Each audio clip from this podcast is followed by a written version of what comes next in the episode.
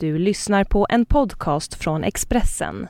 Fler poddar hittar du på expressen.se podcast och på iTunes. Luana Miller hann aldrig återse sin dotter. Hon dog av brustet hjärta. Det här är Expressen Dokument, ett fördjupningsreportage om mammorna som aldrig gav upp hoppet om sina kidnappade döttrar. De gav aldrig upp hoppet om att hitta sina älskade flickor vid liv. De tapetserade gatorna med deras bilder och sökte förgäves efter livstecken. Amanda Berrys mamma, Luana Miller, dog efter år av sorg och saknad och han aldrig återförenas med sin dotter.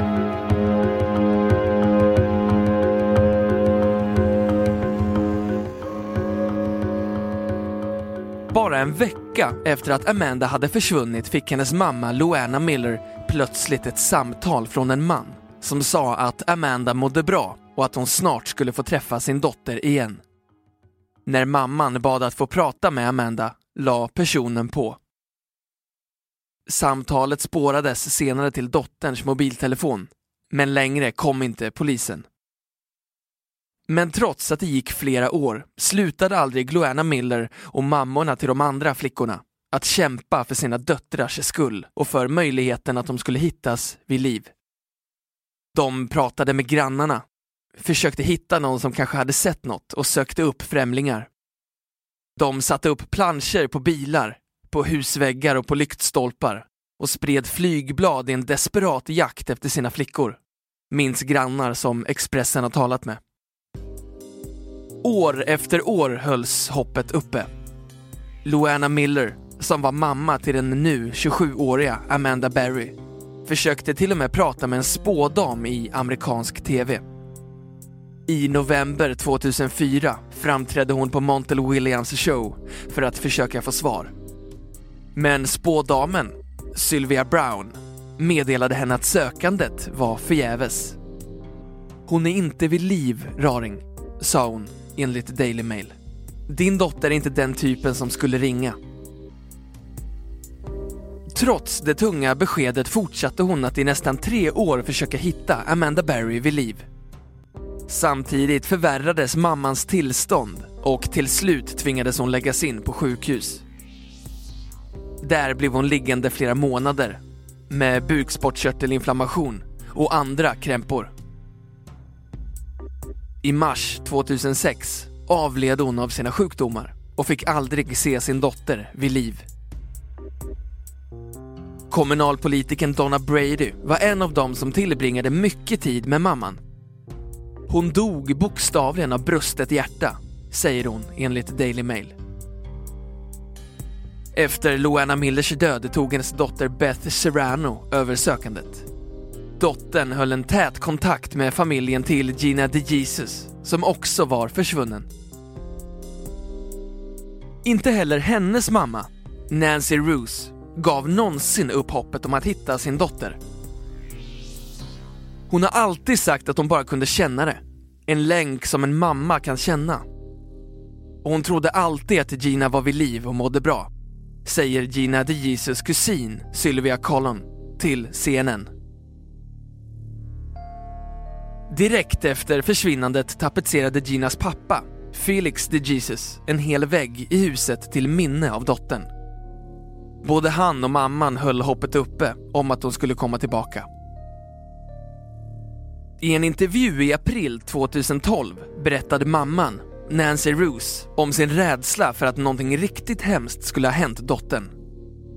Att hon fallit offer för människohandel jag har alltid sagt det redan från början, att hon såldes till den högstbjudande, sa hon då enligt Daily Mail.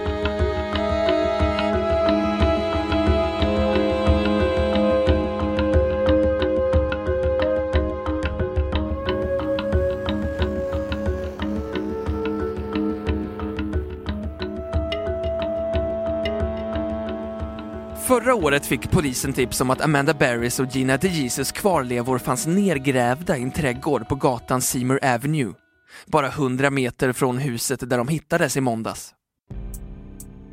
Flera släktingar stod tysta och tittade på när polisen grävde upp hela trädgården och garageuppfarten utan att hitta något, berättar Scott Borio som äger huset. Fallet med det tredje kidnappningsoffret, Michelle Knight, fick aldrig lika mycket uppmärksamhet av polisen.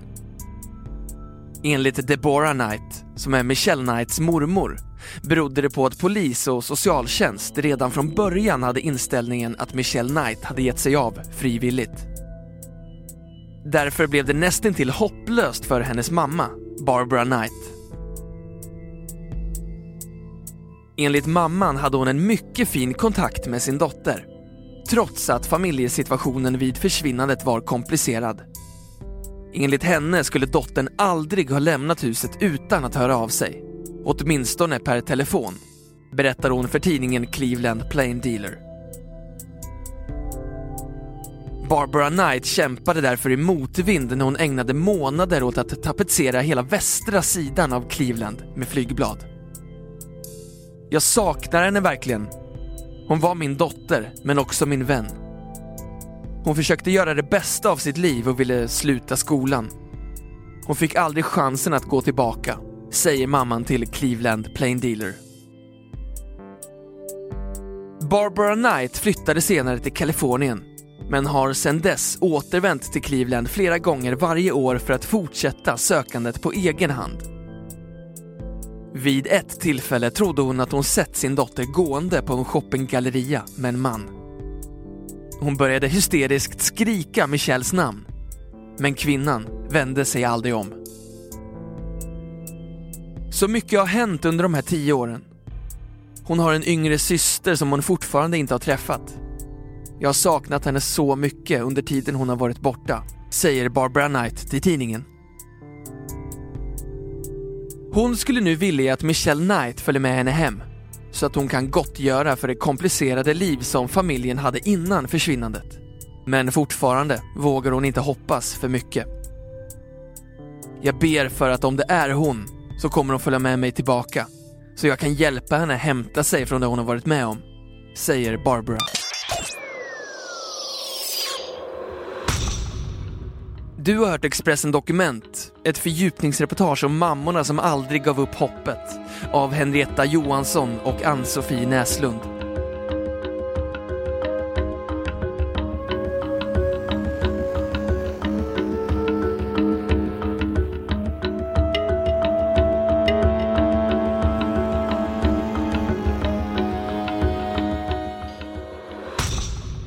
Du har lyssnat på en podcast från Expressen. Ansvarig utgivare är Thomas Mattsson. Fler poddar finns på Expressen.se och på iTunes. Ett poddtips från Podplay. I podden Något Kaiko garanterar östgötarna Brutti och jag, Davva, dig en stor dos skratt. Där följer jag pladask för köttätandet igen. Man är lite som en jävla vampyr. Man har fått lite blodsmak och då måste man ha mer. Udda spaningar, fängslande anekdoter och en och annan arg rant. Jag måste ha mitt kaffe på morgonen för annars är jag ingen trevlig människa. Då är du ingen trevlig människa, punkt. Något Kaiko, hör du på Podplay. Därför är gardinerna.